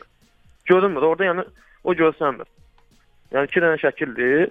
Ona baxıram görsənmir. Sonra mən nə məntiqlə baxdım, şəkli uzaqdan da var. Baxıram ki, e, piyada keçidi var, atamdan arxada keçid bunu sola dönür. E, e, bir şey də var ki, piyada keçidinin də yanında e, yolun belə deyək əks tərəfində dayanacaqdır. Amma yenə də onu keçib sola dönür. Yəni, dedim ki, bəlkə e, orada dönməyə özür verirsə də sola geriyə icazə yoxdur. da, Dayanacaq. Bəli. Dedim bəlkə o məntiqə əsasən gəlibdi, düzdür. Amma baxıram ki, yenə elə deyil. Mən şəkil sizə göndərmişdim WhatsApp-a. Mhm. Bilmirəm siz görmüşdünüz yoxsa yox, həmin şəkili. Yenə şikayətimi bildirmişəm. Mən sadəcə bildiyim bir şey var ki, e, əgər üfüqi nişanlanma xətti tam görsənmirsə, o qüvvədən düşmüş hesab olunur. Düzdürmü? Ə, Yox, əgər onu kamera müəyyən edə bilirsə, kamera həmin istiqamətdə xətti görür. Xətti kəsdikdə artıq bunun pozulduğunu görür. Yəni kamera bu cür işləyir. Aha. Sistem bu cür işləyir. Yəni xətt olmalıdır ki, onu görə bilsin. Xətt olmasa o da görmür. Amma xətt e, deyirsiniz ki, yarım görünəndir. Düzdürmü? Bilirsiz tam e, nə vaxtsa burada xətt olub. Belə görünür. Nə vaxtsa burada xətt olub, aydındır. Ə, bu protokoldan şikayət etmə hüququnuz var. Ə, qanun nə deyir? Qanun deyir ki, yol nişanları və nişanlama xəttləri görünən, aydın və anlaşıqlı olmalıdır. Əgər görünmürsə, o anlaşıqlı deyilsə, ə, protokol yazılıbsa, bu protokoldan şikayət etmək lazımdır. Lazımdır. Məncə 20 gün keçməyibsə şikayət edin siz ondan. Yox, keçməyim, şikayət elədim. Bir də həmin yenə Bərdə yol patrul xidməti deyəsən başlayıb yaxşı aktiv işləməyə. E, xalam oğluna da bir dənə cərimə göndəriblər. Yəni aktiv işləməyə sizin qohumlarınıza qarşı aktiv işləməyə, yoxsa ümumiyyətlə Mən hamı? də bilmirəm. Mən, yəni mən gördüyüm 2 nəfərdir, hələ ki onlara hələ gəlib. Deməli, e, durma qadağandır e, nişanlı təsir dairəsində maşını e, saxlayıblar. Güya onların paylaşdığı şəkillərdə. E, Durma görsənmir- qadağandır, nişanın təsir dairəsində dayanmaq qadağandır. Bəli. Mhm. Orada maşını saxlayıb çıxıb gediblər, şəklini çəkiblər Mhm. və e, maşının bir dənə qabağından çəkilib, yol qırağı olduğu e, maşının qapısını çəkiblər. Bir də e, e, durma qadağandır nişanı qoyublar, amma bilinmir hardan götürüblər bunu. İnternetdən mi götürüblər, nə ediblər? Nə onun e, dirəyi var, nə bir şey küçədə olduğu, heç bir şey yoxdur. Yəni durmaq qadağandır nişanında. Durmaq qadağandır, dayanmağa icazə var. Dəqiqləşdirək. Yəni maşın gəlib, dayanıb, müştərini götürüb və ya sərnişini düşürdüb, yükü boşaldıb və ya yükü götürüb çıxıb gedə bilər, amma durdurub gedə bilməz. Ya durdurub gedib, amma bilinmir. Deməli qaydanı pozub. yoxdur. Amma orada nişan yoxdur. Axı deyirsiz orada nişan şəkli var. Nişan bilirsiniz Tural bəy, elə bir e, belə deyə də internetdən bir dənə şəkil götürüb qoyulub ora. Belə bir e, şəkil. Aa, siz bunu necə isbat edə bildiniz özünüz üçün? Orada nə dirək var, nə bir şey. Adi bir dənə elə şəkil. Nişan göydən asılıb deyirsiniz. Yəni dirəksiz Nişanın asıldığı da bilinmir ha. Nişanın asıldığı da görünmür. Aydındır. Yəni xalanız oğlu mütləq qaydada şikayət eləyir və ona e, video görüntünün əslini göstərirlər və ya elektronda e, kağız daşıyıcıda gəlib yoxsa elektron asamperində görür. Elektronda gəlir o da. Elektron asan. Elektron o zaman o e, şəklin əslini istəyə bilər. Aha. Hə, mütləq şikayət e, əgər durmaq qadağandır nişanı varsa dayanmaq icazəsi var. Yəni düşürdüb çıxdın, getdin. Yox, maşını saxlayıb, özü də deyir ki, Ha, saxlamış. o, po- o əgər durmaq qadağan nişanı varsa qaydaları pozmuş hesab olunur. Amma yox, şəkilə şübhəm var, şəklin bucağı xoşuma gəlmir. Nəsə nişan belə gözümə qəribə gəlir. Nəyəsə bunun dirəyi yoxdur və s. Şəklin daha yaxşı keyfiyyətdə ola bilsin ki, bəlkə yüklənən zaman keyfiyyəti aşağı düşür. Çünki yüksək keyfiyyətdə olanda onun həcmi böyük olur. Sistemə ə, yüklənməsi biraz vaxt ala bilər və ya mümkünsüz olur. Sistemin limitləri olur axı. Bəs deyək ki, məsələn sistem deyir ki, 3 meqabaytdan artıq yükləyə bilməzsən. Ona görə ə, daha yüksək keyfiyyətdə əgər Bərdə şəhərində yaşayandısa və göndərən də Bərdə ə, şəhəri dövlət yol polisi dairəsidirsə, yaxınlaşsın, desin mənim görüntümü mənə, mənə göstərin də görüm harda pozmuşam. Mən ona dedim, o Tərtər ə, rayonunda yaşayır. Mən ona dedim ki, ə, sən orada bir yolu sal, təzədən bir də maşın Amma saxladın, 20 gün ərzində bunu eləməlidir ha. Mən ə, Yəni protokoldan şikayət etmə müddəti 20 gündür. O mütləq şikayət eləsin. Əgər getsin, baxsın, görsün həqiqətən orada nişan falan yoxdursa, hesab edirsə ki, buna qarşı ə, qərəzli davranılıb, o zaman müraciət eləsin və şikayətini eləsin. Aha, bildim. Aydın Tural bəy. Təşəkkür Yaxşı. edirəm. Çox sağ olun. Çox sağ olun, Minnətdaram. Çox sağ olun zənginizə görə. Qaydaları pozmayıb nümunə olduğunuza görə sizi öpüb gözümüzün üstünə qoymaq lazımdır. 050 730 2010 WhatsApp-dan səsli mesajlarınızı gözləyirik. Gələn səsli mesajlar var. Eşidək görək xalq nə deyir? 4 gün bundan qabaq mən avtonəqliyyat vasitəsinin e, icbari sığortasının vaxtı bitmişdi. Mən Gəncə şəhərində 4-5 dənə sığorta bürosuna yaxınlaşdım. Hamısında da hazır tablodur. Gedirsən, hə, xoş üzlə qarşılayırlar, sənədləri istəyirlər, təqdim eləyirik e, WhatsApp vasitəsindən şəklini çəkib atır kiməsə, orada da WhatsApp-ın cavab gəlir imtina.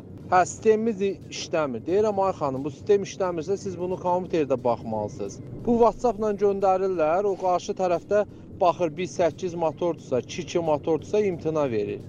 5-6 dənə büroya getdim, hamısı atqaz verdi, WhatsApp vasitəsindən baxdılar, kiməsə göndərdilər. Dedilər ki, biz bu maşınları eləmirik. Biri deyir eləmirik, biri deyir sistem götürmür. Təzədən Gəncə şəhərində Yeni Gəncədə təzə asan xidmət açılıb. Gəldim ora. Ora da gələndə Paşa sığortanın nümayəndəsi idi. O xanıma da təqdim elədim. Xanım da baxdı, dedi yox, sistem götürmür. Təzədən mən fikrimi çatdırdım ki, bura dövlətin idarəsidir. Ən azından burada vətəndaşa hörmətlə yanaşıb bu fikrimizi hə- çatdıra bilərik. Kimsə bizlə söhbət eləyər, deyək bu nəyə görə eləmisiniz, nədir, Mhm. nədir? Təzədən qalxdıq müdirin yanına. Müdir də elə o sığortadakı qadının dediyini dedi. Əli boş elə qayıtdıq, gəldi, e, sığortasız da sürürük. Allah umudunadır. Deməli belə. Bu gün sığorta ilə bağlı çoxlu sayda şikayətlər gəlib. Gəlin belə eləyək, sabah mövzumuzu sığortadan eləyəcəyik. Çünki qaydalar dəyişib. Biz bununla bağlı icbari sığorta ə, bürosunun ə, rəhbəri ilə də təxmini 1-2 efirimiz oldu. Sonra sığorta şirkətindən bir nümayəndələr gəldi, onlarla söhbət elədik. Aa, deməli qiymətlər də qalxıb, amma hələ də sığorta şirkətləri ə, sürücülərə problem yaradırlar. Gəlin sabah sizinlə sığorta ilə bağlı danışaq. Görək problem nədir? Sizə nələr deyilib? Çalışacağam qarşı tərəfin də fikrini alım ki, ə, yaşananlar nələrdir? Bu arada sabahları biz sizə əlavə kasrola mühərrik yağları da hədiyyə edəcəyik, çünki sabah ictimaiinin ad günüdür. Belə bir hədiyyəmiz var. Amma sabah biz sizlə sığortadan danışacağıq. Çünki bu gün çoxlu sayda sığorta şikayətləriniz gəldi. Hava limanında olan o sizə 35 manat deyən hevsana, həmin taksi şoferləri, onlar orada daimi duranlardır və onları orada polisin əli ilə onlar gedir qarşıda dururlar. Bizim kimi taksi şoferləri ancaq oradan düşüb o, o müştəri götürərsə, polis bizi 100 manat cərimə eləyir. Aydındır. Yeri gəlmişkən mən sizin kimi e, taksi sürücülərindən getdim orada axırda. Yekunda belə deyək də, e, elə sizin kimi olan taksi sürücülərindən getdim. Okay, birinci diyamızda nə olsun birinci diyamızda? 35 manat nədir? Qardaş, sənin taksometrin var, qoş da. Yəni 35 manata cəmaət Qubaya gedir. A, Nə olsun hava limanından çıxıram da. Yəni bu mənim daha varlı olmağım anlamına gəlmir axı. Pirşağıdan Novxanıya gedən yol var, e, dəhəz qırağı ilə ha. Orada o deməli yeni şey qoyublar, radar qoyublar. O radaracan, yəni Pirşağı tərəfdən ha. O o radaracan heç bir e, nişan, heç bir sürət həddi, zat heç e, işarə zat yoxdur. Radardan sonra ancaq 50 yazılıb. Necə düzgündür? Deməli, əgər siz yaşayış məntəqəsindəsinizsə, ə, Pirşağı Bakı şəhərinin sonu deyil və ya Bakı şəhərinin sonu işarəsi yoxdur. Yaşayış məntəqəsi isə deməli hərəkət sürəti saatda 60 kilometrdir. 2. E, radar maksimal sürətinin məhdudlaşdırılması yol nişanı olmadan belə informasiya lövhəciyi varsa, o zaman da sizin sürətinizi qeydə ala bilir. Bunun üçün maksimal sürətin məhdudlaşdırılması yol nişanının olmasına ehtiyac yoxdur. Belə yüngül desək. Ə, maksimal sürəti məhdudlaşdırma nişanı varsa işləyə bilər, yoxdursa yenə informasiya lövhəciyi sizin ə, sürətinizi ölçə bilər. Siz də yaşayış məntəqəsindəsinizsə, deməli hərəkət sürətiniz 60 olur. Daha sonra isə 60-ı 50-yə endirdiyi ilə bağlı məhdudlaşdırıcı nişan da qoya bilirlər. Qadağan deyil. Mən elə bil ki, axşam maşını saxlamışam, parkovka eləmişəm, getmişəm, səhər gəlmişəm, görmüşəm ki, arxa sol kırılan iki qapıların sol tərəfi, sürücü tərəfi cırılıb, aparılıb, vurulub da yəni. Bu barədə 102-yə məlumat verildi. 102 məni şəhər qaysısına yönəltdi. Şəhər qaysı dedi biz baxmırıq ora, yasamal baxır.